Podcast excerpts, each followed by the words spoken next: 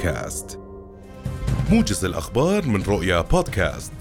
لم يمنعهم الاستبداد والظلم والانتهاكات والتضييقات التي يمارسها الاحتلال الإسرائيلي من الوصول إلى مسجدهم الأقصى لأداء صلاة الجمعة الأخيرة من شهر رمضان حيث توافد إلى المسجد المبارك وباحته أكثر من 160 ألف مصل وأدوا الصلاة على وقع حالة من التوتر بعد اشتباكات في ساحات المسجد بينهم وبين قوات الاحتلال والتي دامت لنحو ساعتين وأدت إلى إصابة 42 فلسطينيا.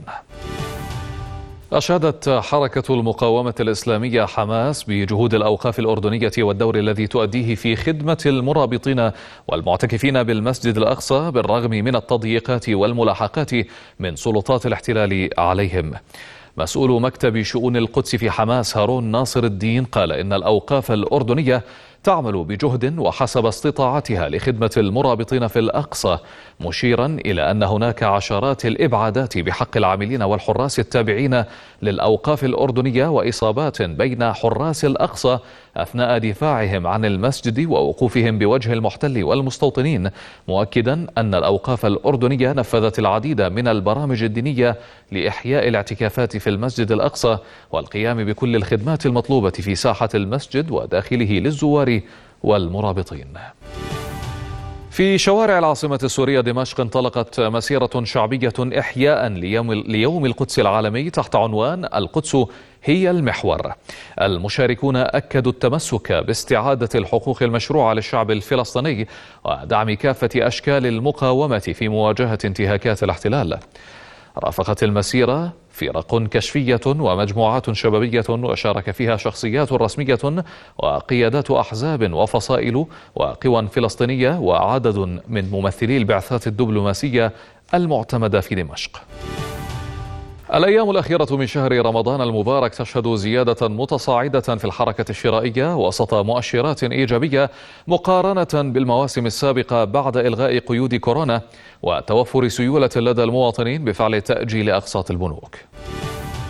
زيارة لإعادة وصل العلاقات المتوترة تحت هذا العنوان واصل الرئيس التركي رجب طيب أردوغان زيارته إلى السعودية بعد سنوات من القطيعة والخلافات التي أججتها حادثة مقتل الصحفي جمال خاشقجي في إسطنبول عام 2018 وفي اليوم الثاني من الزيارة أدى أردوغان مناسك العمرة في المسجد الحرام تزامنا مع الجمعة الأخيرة من شهر رمضان المبارك وذلك بعد أن بدأ زيارته بلقاءات مع قادة المملكة العربية السعودية بحثت سبل تطوير العلاقات بين البلدين.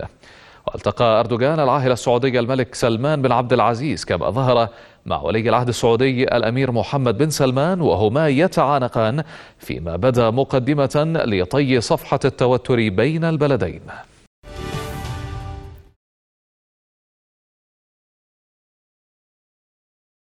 خلال زيارة الأمين العام للأمم المتحدة أنطونيو غوتيرش للعاصمة الأوكرانية نفذت القوات الروسية ضربة جوية على كييف.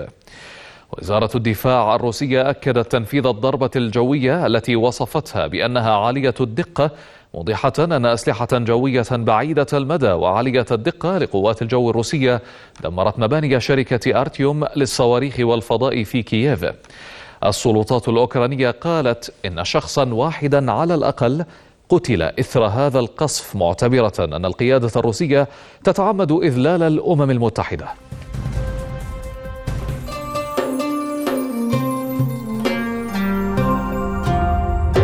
رؤيا بودكاست.